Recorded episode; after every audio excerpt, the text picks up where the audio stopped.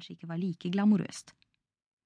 Hver bygning fikk en utforming spesielt tilpasset dens funksjon. Parlamentsbygningen er i gresk stil, antagelig for å understreke tilknytningen til de gamle grekernes demokrati.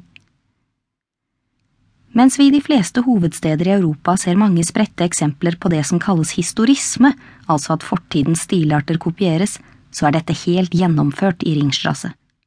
Rådhuset er oppført i tysk-flamsk gotikk for å illustrere borgerskapets fremvekst.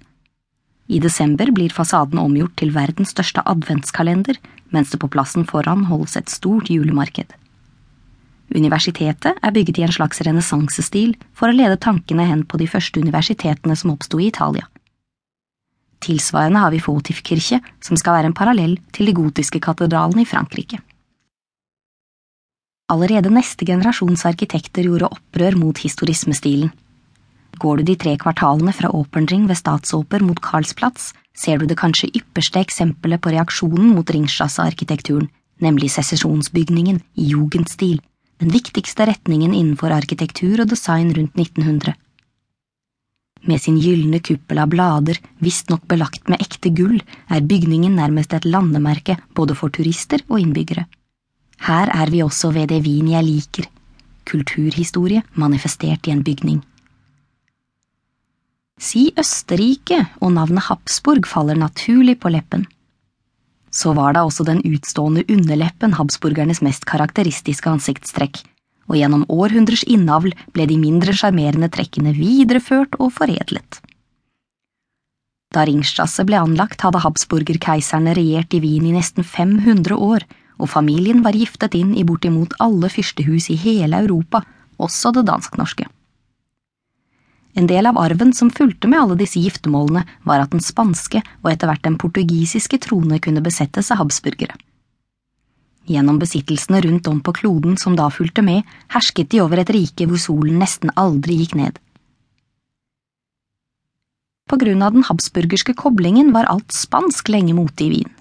Et minne om denne tiden er at det fremdeles heter Den spanske rideskole.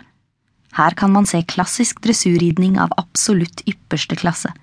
En kan nesten si at hestene danser ballett, og selvsagt skjer dette til Strauss-valser. For de som synes prisene på søndagsforestillingene er avskrekkende, er ridetreningen på formiddagen absolutt et alternativ. Ved siden av Frans Josef satte særlig to habsburgere Wien ettertrykkelig på kartet. Landsmoderen Maria Theresia var elsket både i sin samtid og av senere generasjoner. Hun var en visjonær og handlekraftig keiserinne, men også en ujålete dame med mange barn. Det fortelles at hun selv kunne stå for matlagingen på slottet om nødvendig. Og en gang stormet hun visstnok inn og avbrøt forestillingen på Burgteater for å fortelle at hun var blitt bestemor. Hun har fått sitt store monument på Ringstrasse, der hun skuer over gaten mot keiserslottet Hofburg. At det er nettopp der hun sitter, er imidlertid ikke helt selvsagt, for det er sommerslottet Schönbrunn, litt utenfor selve bykjernen, som er hennes slott. Både slottet og parken er et av de flotteste eksemplene på barokk byggekunst i Europa, stramt, stilrent og symmetrisk, noe helt annet enn lappverket Hofburg, som er en salig blanding av ekte og falsk barokk. En gang i året, i månedsskiftet mai–juni, holder Wiener Filharmoniker en gratiskonsert i Schönbrunn-parken som TV-overføres til mange land.